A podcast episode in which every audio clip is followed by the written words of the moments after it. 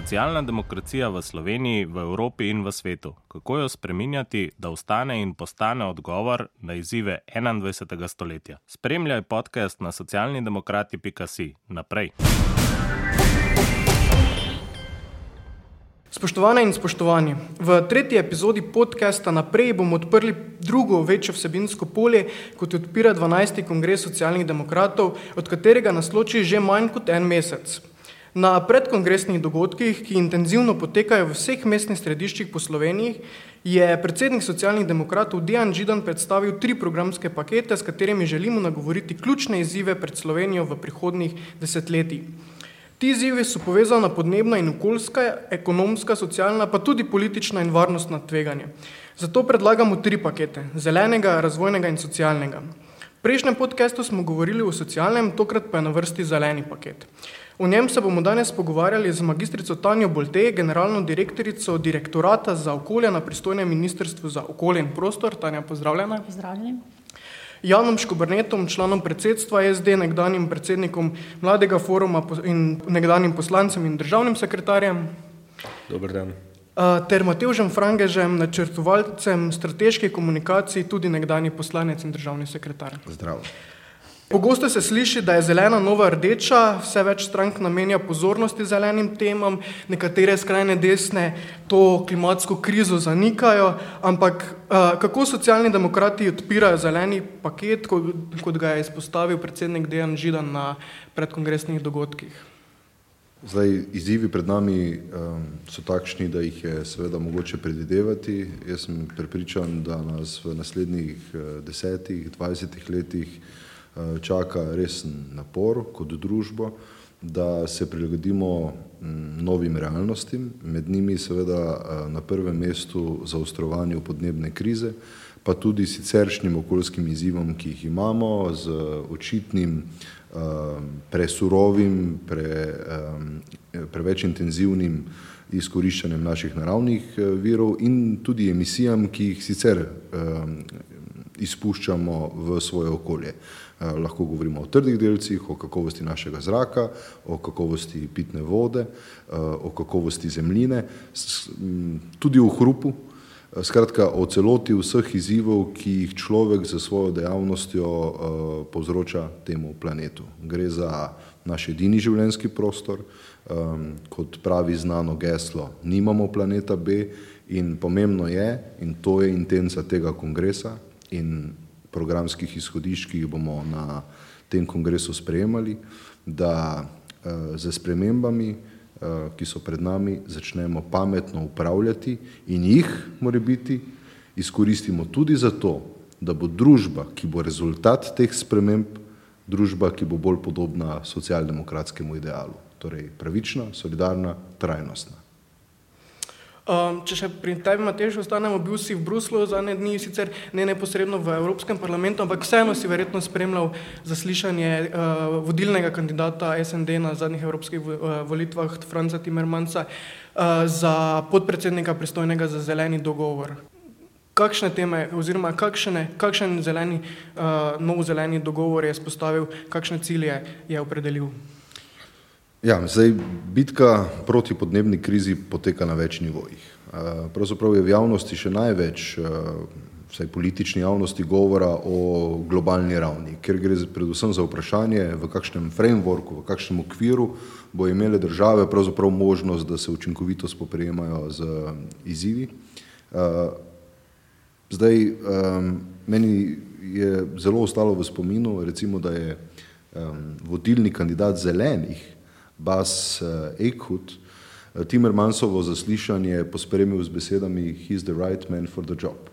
To pomeni, da je ocenil njegov nastop, eh, celoto tega um, European Green Deal uh, kot uh, pravi način, nagovarja uh, pravzaprav uh, to kompleksno celoto prilagoditev v gospodarstvu, v industrijah, v energetiki, v uh, kmetijstvu, uh, pa vendarle z enim pomembnim socialdemokratskim povdarkom, da mora naš evropski načrt uh, pomeniti pravičen prehod v nizkooglično družbo in da moramo kot Evropa uh, pomagati našim regijam, našim delovcem pri tej tranziciji, in da seveda tudi Evropa, in to je ta globalni del dogovora, mora poskrbeti tudi za to, da bodo sosedne regije, še posebej recimo Afrika, ki bo izrazito prizadeta, imela orodja, da se učinkovito tudi sama spoprime z podnebnimi izzivi. Tanja, verjetno si tudi ti spremljala to eno uh, veliko zaupanje socialne demokracije na evropski ravni.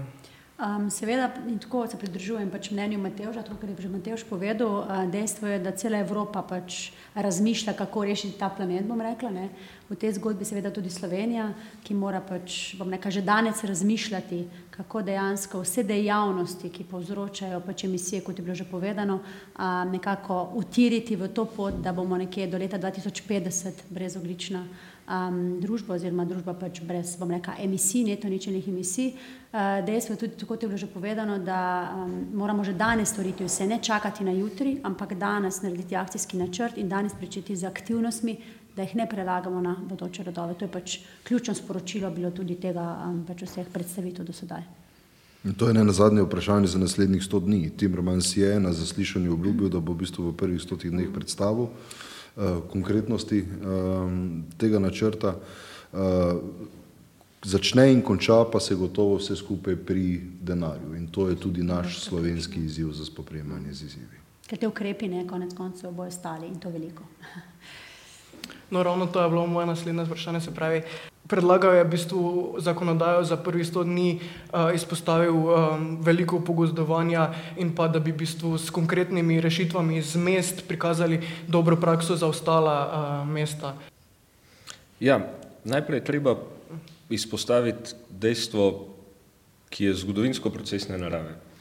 In sicer vsi pomembni na, premiki naprej stanejo in so običajno deležni kritik in upora strani tistih, ki jim odgovarja obstoječe stanje. To običajno niso ljudje, najpogosteje so to lastniki velikega kapitala, nosilci privilegijev. In če se ozremo 100 ali celo 50, eh, nekje celo manj let nazaj, so bili glavni ugovori pri vzpostavljanju temeljnih delovskih pravic, krajšega delovnega časa, porodniških dopustov in tako naprej, da bo to neznansko veliko stalo in da, če bomo skrajšali delovni čas, uvedli dopuste in tako naprej, zagotovili temeljne delovske pravice, bomo kot družba gospodarsko, eh, politično in tudi sicer kolapsirali. Zgodilo se je ravno obratno. In tukaj smo soočeni z isto situacijo.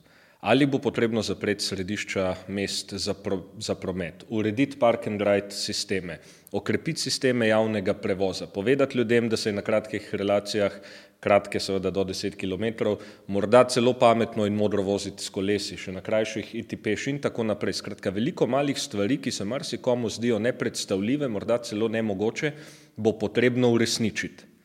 Upor bo, za marsikoga bo to velika sprememba, ampak kvalitetni preskok, ki bo temu sledil, bo izjemen.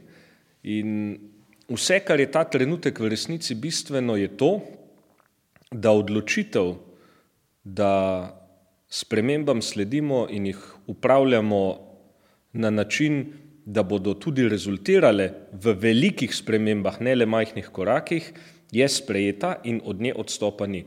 Če parafraziram z sicer nepovezano temo, imeli smo možnost rešiti Adrio Airways, pa odločitve o tem, da jo bomo reševali, nismo v iskreni in zadostni meri sprejeli. Zato je danes ni več oziroma je v stečaju. Stečaja planeta si privoščiti ne moremo. In tu je odločitev samo ena. Tisti, ki bodo stali nasproti, se pač morajo zavedati, da tako kot so stali nasproti volilni pravici žensk, tako kot so stali nasproti osemurnemu delovniku in še čemu, v resnici stojijo nasproti temeljnim in najbolj osnovnim interesom pravičnosti, za vsakega človeka, za vse nas kot kolektivno in za posameznika. Pa, če gremo zdaj iz te evropske globalne ravni mal, eh, na državno, Tanja, v, bistvu v zakonodaji velja načelo, da onesnaževalec plača. Kje so meje, oziroma kako Slovenija v bistvu postavlja meje med uh, onesnaževalci. Naprimer, uh, poznamo primere uh, rudnikov, uh, Mežiška dolina, uh, Velenje, pač velika pač posledica za okolje, pa potem celje, cinkarna. Um, kdo bi moral plačati za, te, uh, za to škodo, davkoplačevalci podjetja? Um, tako kot si pač omenil, um, dejstvo je, da je pač glavno načelo zakona o varstvu okolja, da onesnaževalec plača in pač uh, tega se je potrebno v vseh, bom rekla, segmentih tudi držati. Seveda, kolikor pač ta onesnaževalec še obstaja, še živi, bom rekla, ne po domače, uh, je dejstvo, da pač mora biti vključen v vse te ukrepe in mora pač tudi plačati. Vkolikor tega ni, je uh, sporočilo zakonodaje jasno navedeno, da pač um, plačuje pač država, bom rekla, nekako subsidijarno odgovornost prevzame država, občina, um, konec koncev pač lokalna skupnost, uh, vkolikor pač, bom rekla, um, tega ni. Je pa dejstvo, da v Sloveniji mogoče še nismo tega prehoda, um, bom rekla, mogoče naredili v taki meri, in eh, večinoma krije skoraj vse pač to vrstne sanacije država. Ne? Če pogledamo mišico, ki je pač izpostavljena, tukaj pač država da denar. Dejstvo je, da se pač industrija, ki še živi in ki se širi na tem območju, ni bila nekako vključena v, v te zgodbe, kako pač sama, bom rekla, tudi del ukrepov kriti, ne? krije. Um, podobne stvari se dogajajo v celju, kljub temu, da pač ne moramo vedno kazati s prstom samo na enega onesnaževalca, ker jih je pač več, bom rekla, tudi individualna korišča, če gledamo segment um, kakovosti zunanjega zraka zraka, tudi mi sami onesnažujemo z prometom, z vsem. Tako da tukaj je skupek večjih onesnaževalcev, ki prispevajo k temu, pač, da živimo v takem okolju, kot je. Lahko rečem na splošno, mogoče še ta stavek, da um, mislim. Seveda je treba tudi dolgoročno v, naš sami, v našem razmišljanju spremeniti način razmišljanja. Ne moramo biti lastniki vsega, moramo razmišljati o tem, kako rekla, um, lokalni uh, promet um, preusmeriti drugam, kako se voziti s kolesom, kako hoditi peš, kako uporabljati pač, možnosti avtobusa, vlaka, pač, kjer ga imamo, oziroma tudi država, da nam to, pač, rekla, to možnost daje in ponudi, dokler jo nimamo, je težko izkoristiti. Uh, vsekakor um, mislim, da to nekako prevladuje pri ljudeh, da razmišljajo to smer, je to dolgi rok, je to pač nek daljši proces. Ampak um, kot, bom rekla, kot ministr za okolje prostor, um, bom rekla, menim, da pač gremo v pravo smer. Um, subvencioniramo kot država določene ukrepe, tako da smer je prava, je pa seveda potrebno pospešiti, da ne bo ta smer predolgo trajajoča, bom rekla. Jan, kako, zbra, kako zbrati pogum? Ja, predvsem je potrebno imeti orodje za pogum in to, kar sem želel dodati. Mi smo seveda to načelo, da vnesnaževalec plača, je že dolgo del našega pravnega reda. Šele v prejšnjem mandatu pa smo uspeli socialni demokrati ob boku z takratnim ministrom za pravosodje, gospodom Klemenčičem, uveljaviti eh, zakon o kolektivnih tožbah, ki v resnici ljudem dajo tisto orodje, da sami nastopijo zoper posamičnega ali posameznega onesnaževalca, ki je običajno veliko podjetje, industrija eh, ali pač skupek nekih procesov, ki bistveno in um, slabo vplivajo na okolje. Zdaj to orodje imamo in predvsem za naprej, ko se vzpostavljajo negativne prakse na okolje in zadevajo veliko število ljudi ali celo celotne kraje, doline, kotline, je orodje, ki ga sicer v razvitem eh, svetu poznajo že dolgo, sedaj na razpolago tudi nam. In tukaj ponovno res je, da je država tista, ki mora prevzemati subsidijarno odgovornost za celo škodo, ki je nastala zaradi eh, onesnaževalca, ki je pravna ali fizična oseba, v primeru, ko morda ne obstaja več, ampak predvsem ljudje se moramo aktivirati, uporabljati orodja, ki so nam na razpolago. In preprosto povedati, da je okolje naša skupna stvar, da je to bistvena kvaliteta življenja. Leta 1987 je denimo tako v Šaleški dolini potekal morda eden največjih okoljskih protestov, s katerim se je začela okoljska sanacija doline in s katerim se je preprečilo, da bi v dolino, ker je bilo to takrat pač najbolj logično, nekam na jezero in na deponijo odlagali vrh vsega, poleg pepela, še radioaktivne odpadke pa ni bilo zakona o kolektivnih tožbah, bili pa so ljudje, ki so bili odločeni, da požganih eh, gozdov in jezera, ki je bilo baza, ne bodo gledali več. In ta situacija je ista danes. In če lahko samo še dopolnim, mogoče se strinjam, okolje je seveda samo eno, kot je bilo večkrat povedano, ne zato se moramo za njega boriti.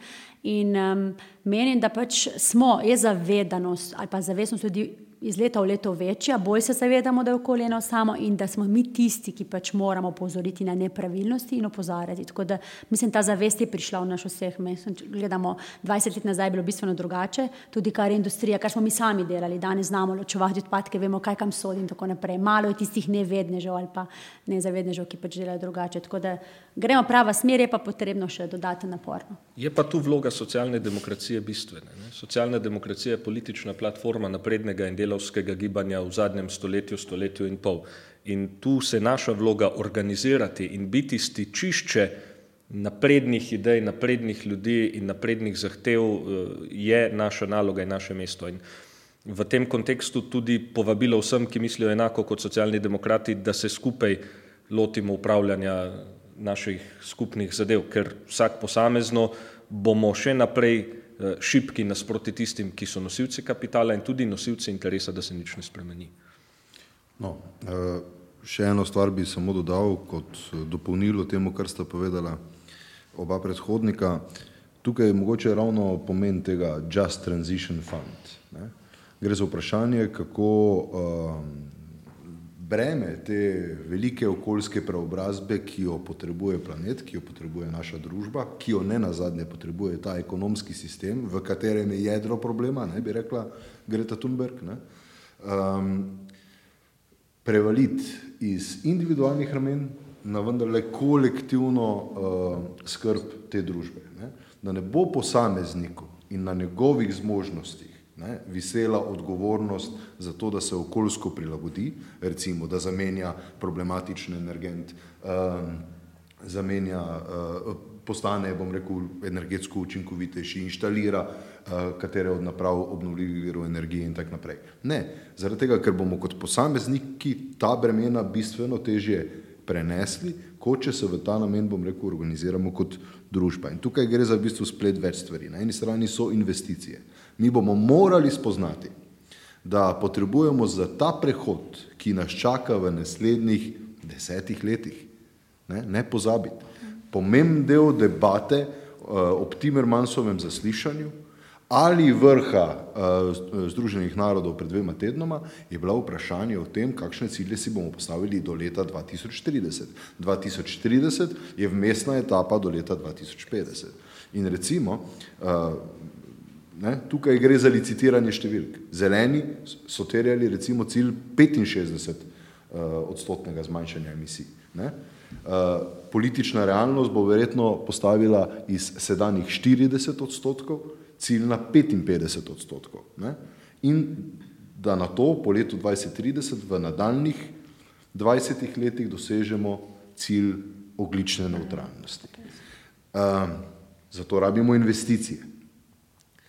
Eh, na drugi strani potrebujemo ob teh velikih investicijah, recimo v modernizacijo na, našega javnega železniškega prometa, zato da ne bomo odvisni od uh, te velike navezanosti uh, na avtomobil, k individualnim spodbudam in seveda k zavezam, ki postavljajo vse skupaj, bom rekel, neko novo družbeno kulturo.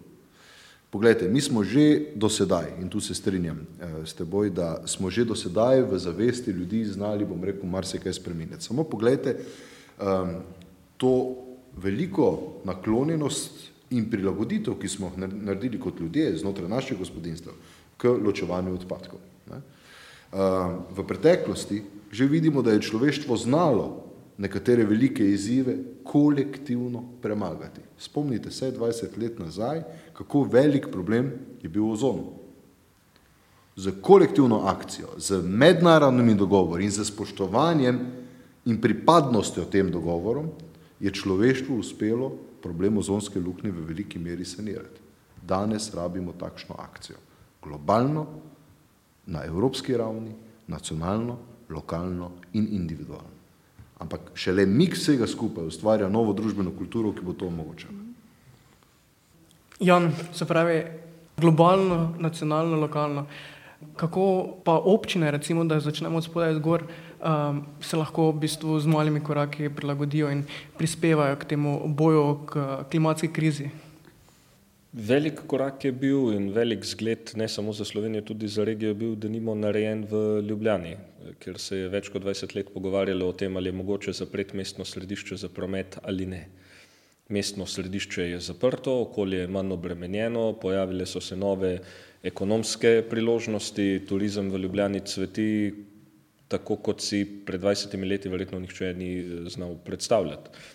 To je en segment tega. Drug segment je v temeljni komunalni infrastrukturi. Zdaj, če imamo posamična kurišča, s tem bistveno zmanjšujemo kvaliteto zraka in bistveno uh, obremenjujemo okolje.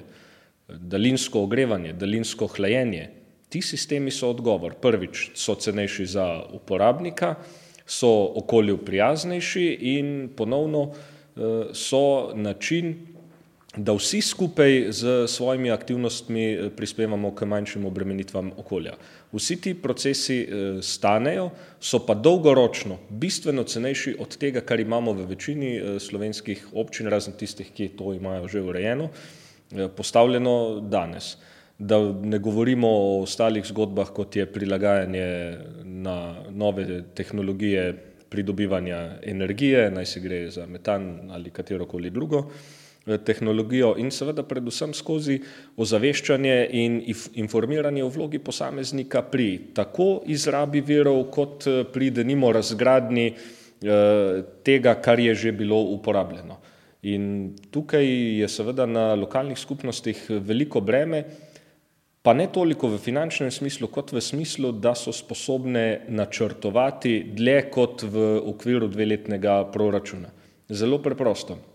Investicija v daljinsko ogrevanje, v daljinsko hlajenje je zelo visoka investicija, zelo velik znesek, vendar se sistemi daljinskega eh, gretja in hlajenja delajo ne za pet, ne za deset, ampak za petdeset in več let, seveda z eh, dobrim vzdrževanjem in tako naprej. In kraji, kjer ti sistemi delujejo, imajo po pravilu bistveno kvalitetnejši zrak in bistveno nižji strošek ogrevanja in hlajenja. Pričemer za hlajenje globalno gledano porabimo eh, bistveno več eh, energije kot za ogrevanje, kar je ironično in bo v perspektivi to še večji in vedno večji strošek. Tako da na koncu pridemo spet do individualne odločitve posameznika, ki se zgodi ob volitvah.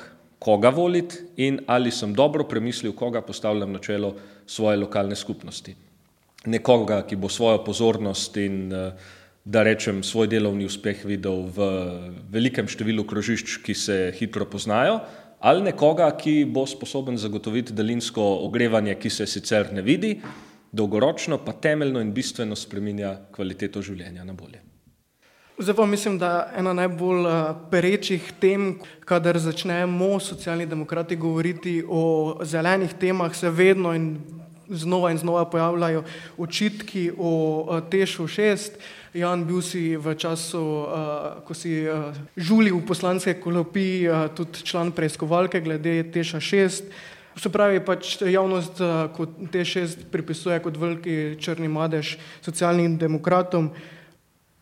Ja, ta zgodba je izjemno breme, predvsem zaradi tega, ker se po veliki večini dogaja, da nihče ne želi pogledati celotne slike, celotnega procesa. Eh, in vsega, kar se je dogajalo hkrati, ampak se često iztrgajo posamezne izjave, posamezni eh, zgodovinski elementi iz konteksta in se osvetljuje samo ta del. Zdaj, jaz sem daleč od tega, da bi se strinjal z načinom, kako je bil eh, šesti blok termoelektrarne Šoštan zgrajen.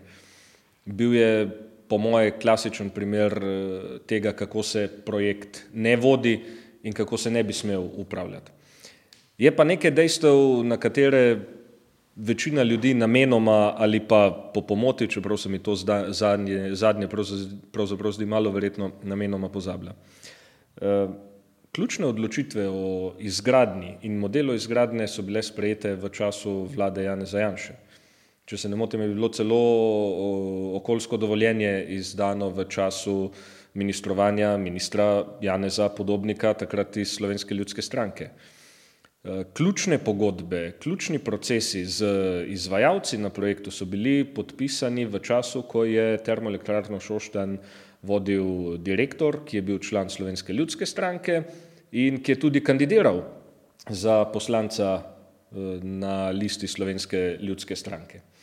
In še en zanimiv podatek, ki se ga nikdar ne eh, uporablja ali je slovenski javnosti pravzaprav popolnoma neznan. Ko je bil predstavljen koncept in model in robni pogoji eh, za delovanje in izgradnjo šestega bloka termoelektrarne Šoštan, je več strani vprašanj z močnimi dvomi o tem, da je mogoče ob trenutnih zalogah premoga in ob ceni, ki je predvidena za funkcionalnost tega bloka, to izgraditi optimalno, postavila svetniška skupina socialnih demokratov v Velenju, ki je spraševala, ali je cena res izvedljiva, ali je projekt kot tak eh, resnično eh, optimalno zastavljen. In ta vprašanja takrat naslavljala tako na premogovni kot na termoelektrarno, eh, mislim, da tudi na vlado. Podpisnih teh, teh vprašanj, ki so dvomila v strokovne izračune, je bil Bojan Kontič. Seveda, odgovori so bili ne, vaša skrb je odveč, eh, odgovor energetske stroke, odgovor rudarske stroke, odgovor upravljavcev, nosilcev projekta je bil, da so te skrbi odveč. In potem se vprašate, zakaj je nek župan Srečko Meh, ki je bil kasneje poslanec, pa župan Bojan Kontič, ob zagotovilih, da bo projekt eh, ohranil delovna mesta, izboljšal kvaliteto okolja in zmanjšal potrebno količino premoga za eh, isto proizvedeno energijo, podprl projekt. Je kdo pri zdravi pameti ga pa ne bi? Zdaj, ko se za nazaj izkazuje, da eh, pogodbene klauzule niso bile ustrezne, da bi se bilo mogoče izpogajati drugače in predvsem to, da, so, da je stroka operirala z podatki, ki v resnici niso držali, je seveda zelo enostavno biti uh, general. Ampak takrat še enkrat podarjam, edini resni in tudi pisno dokumentirani dvomljivec v izvedljivost tega projekta je bil pod pismo svetniške skupine SD Velenje, prvo podpisani Bojan Kontič. In to dejstvo uspejo pozabiti vsi. Kot že rečeno, dvomim, da vedno iskreno ne namenoma. Ja, ja, če, če lahko dodam. Uh, jaz sem bil poslanec tam v najostrejših kriznih časih, ko je po seriji res izvršenih dejstvi, dejstev, ki, o katerih je govoril um, Jan, sam bi mogoče k njim dodal samo to, da je bilo takrat uh, pristojno za energetiko pod ministrstvom za gospodarstvo in da je bil gospodarski minister Andrej Vizjak, SDS. Um, ampak ok. Pa je to ministrstvo vodil za res in nikdar pristojnost energetike v tem obdobju ni bila v rokah socialnih demokratov? No, zanimiv dodatek. Um, no, takrat je prišel zakon o državnem poroštvu, ko se je investicija res že lomila. Ne? Takrat je bilo pač treba uh, reagirati ali pa se posloviti in na dobesedno smetišče poslati stotine milijonov uh, evrov že inštalirane opreme. Uh, se pa seveda spomnim, da sem takrat dvakrat glasoval proti temu državnemu poroštvu, tudi zato, ker sem v ta projekt od samega začetka dvomil. Ampak ga danes iz neke zgodovinske izkušnje vendarle znam razumeti v enem kontekstu.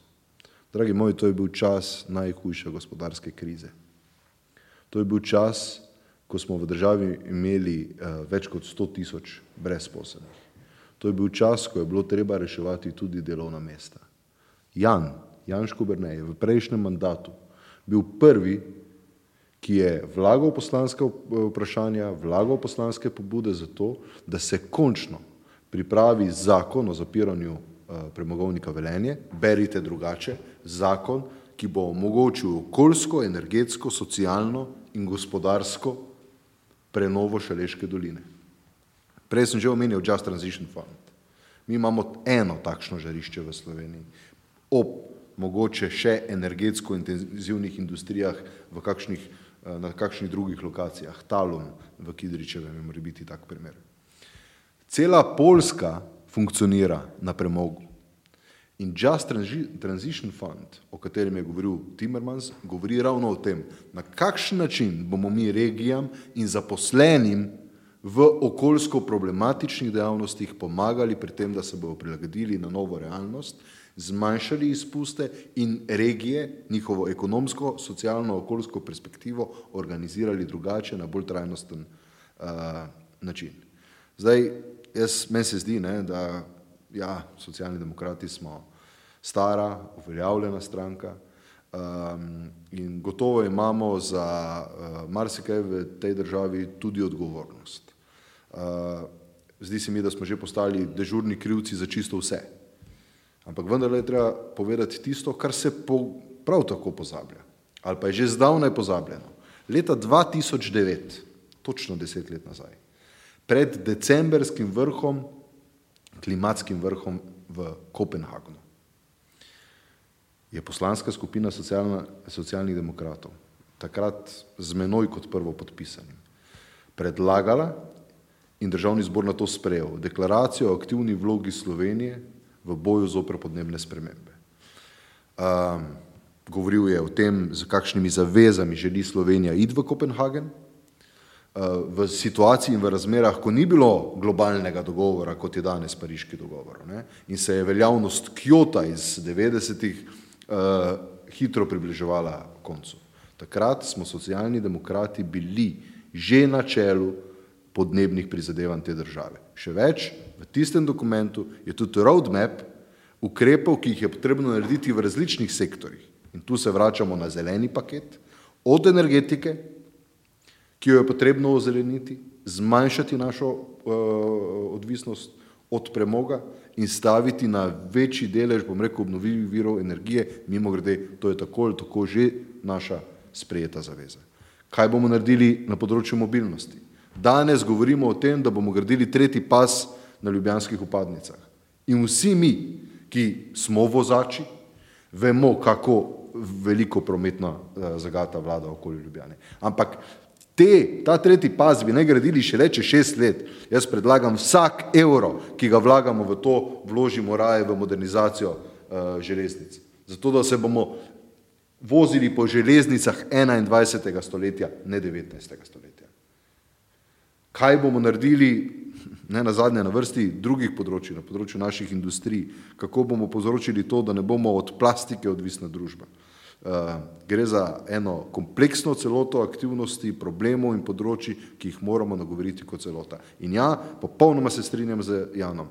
Tako kot noben veliki civilizacijski premik, ki smo ga dosegli kot socialna demokracija ali kot človeštvo doslej, tudi tokrat teh izzivov ne moremo premagati sami. Zato potrebujemo medsebojno organiziranje eh, in zato potrebujemo v prihodnost usmerjene politične stranke, kot je socialna demokracija, zato da premagamo te izzive. Če, če smem tukaj dodati, eh, seveda se ne mogoče strinjati, eh, ne strinjati z Mateožem. Bistveno je v neki točki, da si zelo iskreno nalijemo čiste vode ali pa vina, kakor komu v frazi bolj ustreza. Mi ne bomo mogli uh, zapreti velikih uh, proizvodnih obratov za električno energijo, pa hkrati graditi pametnih mest, pa pametnih vasi, pa hkrati vabiti uh, investitorjev, kot sta Jaskava, pa kot je Magna, pa še kdo, da naj pri nas odpirajo tovarne. Nekatere stvari, nekateri cilji so med seboj nekompatibilni. In zato je tisto, kar si moramo najprej uh, povedati in zelo jasno povedati, kaj so naši temeljni cilji in vse ostale politike prilagoditi tem temeljnim ciljem.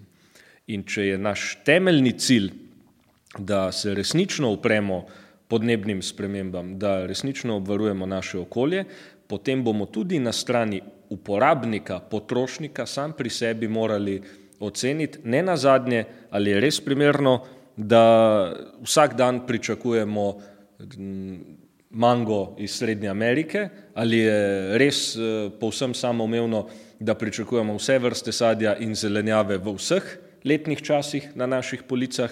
In seveda ali je naša odgovornost, da si na vsake štiri leta kupimo eh, nov avto, kaj manjša s tem, če kupimo električnega, ker elektrika, ne boste verjeli, pride od nekje. In ko si kupimo električni avto v Sloveniji, ta elektrika običajno pride bodi si iz nuklearke, bodi si iz termoelektrarne, ki električno energijo proizvaja s premogom. In ali nova tehnologija, do katere lahko pridemo z bistveno povečanimi vlaganji v znanost in raziskave, ne s tem, kar dajemo danes, ampak z bistveno, bistveno večjimi vlaganji, ali pa z nižanjem, preprosto nižanjem našega energetskega, ogličnega in še kakšnega drugega vtisa, ki ga puščamo kot družba in posamezniki. Predvsem pa fiskalno pravilo in omejitve na srednji rok ne smejo več biti naša glavna skrb. Mi želimo svojo državo in družbo imeti tudi čez 100 in 200 let.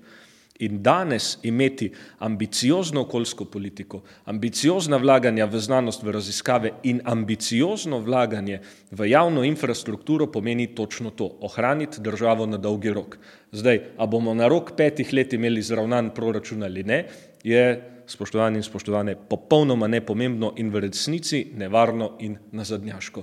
In tu se moramo mi vprašati, kaj resnično želimo in tem našim temeljnim ciljem prilagoditi vse politike in vsa naša ravnanja. Na dolgi rok z izračuni, ki so v resnici preprosti in z odločitvami, da od tega odmika več ni. Ne glede na to, katera stranka, ne glede na to, katera barva. Okay. 9. november, velenje, kongres socialnih demokratov. En uh, nov začetek programske prenove, nov začetek organizacijske prenove. Pa bi vas še za konec vprašal po vaših osebnih pričakovanjih tega dogodka čez manj kot mesec dni. Tanja. Jaz moram reči, osebno sem zelo uh, vesela, da smo se tudi v socialni demokraciji pričeli pogovarjati o okoljsko zeleno in da je to glavna tematika, no? ker je res um, ključna in ker pač mora celotna družba v to verjeti. Zato je pač, se mi zdi, naloga socialnih demokratov, da nekako um, izobrazimo, zavestimo vse ljudi, rekla, v tej družbi, ne, da pač nekaj razmišljajo podobno, da jim znamo razložiti, kaj pomeni to, tako, kot je bilo pač v današnjem pogovoru povedano. Ali bomo to naredili ali ne, ne. Kaj pomeni ta mogoče še 15% višji cilj, kaj pomeni za nas ljudi. Jaz se z vsem obema predhodnikoma strinjam, z vsem, kar sta povedala, je pa dejstvo, da je Slovenija majhna, da imamo zelo dobro priložnost, da naredimo to. Vsi skupaj pa verjetno vemo, da Slovenija sama tega ne more narediti, da pač mora biti cela Evropa skupaj s Kitajsko in z Ameriko in, in to, to pač je globalni, bom rekel, pristop, ki pač je ključen, ker so pač največje misije in tako naprej. Ampak Slovenija res vsi nam dajo vlogo, da smo majhni, da smo povezani in da smo lahko tukaj kot nek pilotni, bom rekla, tudi projekt o krožnem gospodarstvu, o tem, da znamo znižati misije in da pač smo lahko ključni. Tako da jaz verjamem, da bomo skupaj z vsemi uspeli, da bomo pač uspeli, bom rekla, to povezanost, ki smo jo ne malo kakrat že dokazali in da bo socialna demokracija pač tisti, bom rekel, vodilni partner pri vsem tem. Tako da jaz verjamem v to in se veselim 9. novembra. Ja, zdaj, moje pričakovanje do kongresa pravzaprav ni toliko vezano na samo stranko, na socialne demokrate, kot na to, da je mogoče to začetek spremembe v našem družbenem mindsetu nasploh. Jan se je že dotaknil tega, da potrebujemo resni investicijski paket, če hočemo narediti karkoli mi ne smemo pristajati več na politiko majhnih korakov. Ne? Tudi, gledajte, danes uh, živimo v tako na pol politični krizi, ne vemo, bo ta vlada obstala, bo še imela, bom rekel, podporo uh, partnerske levice ali ne. Um, ampak se vsi skupaj vendarle pogovarjamo v političnem prostoru o relativno trivialnih vprašanjih. Mislim, moramo danes zastaviti relativno težko dosegljive ambiciozne cilje in se kot družba, tako kot je Jan dejal, če imamo definiran cilj, naj bo temu cilju podrejeno vse. Nas v naslednjih desetih letih čaka zelo resna naloga na okoljskem področju, na razvojnem področju, na socialnem področju, če želimo, da bo ta družba tudi takrat in kasneje približek nekega socialdemokratskega ideala pravične, solidarne družbe, ki bo zagotavljala varnost vsem, ki bo zagotavljala priložnosti in možnosti vsem. To pričakujem od kongresa. Pričakovanja so torej velika, ampak um, ne bi si želel nobenih drugačnih. Jaz bom izhajal iz tega, da v zadnjem mesecu in pol smo vsak teden z enim izmed velikih dogodkov na terenu po Sloveniji. Več sto ljudi se pogovarja z nami, z zunanimi strokovnjaki o tem, kaj so temeljni cilji in razvojne perspektive Slovenije. Imamo izjemen odziv in tisto, kar pred kongresom že vemo, je, da je naše članstvo, da je socialna demokracija temeljno in neomajno zavezana k koraku naprej pri okoljski politiki, k koraku naprej pri ambicijah naše države.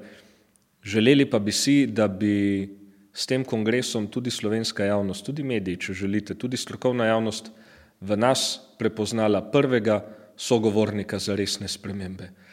Ker kot se kaže in kot tudi zgodovina uči, ne pozabimo, vlada Borota Pahora je bila tista in do zdaj edina, ki je za četrtino skoraj dvignila minimalno plačo, je socialna demokracija sposobna delati velike premike, kadar ima podporo ljudi.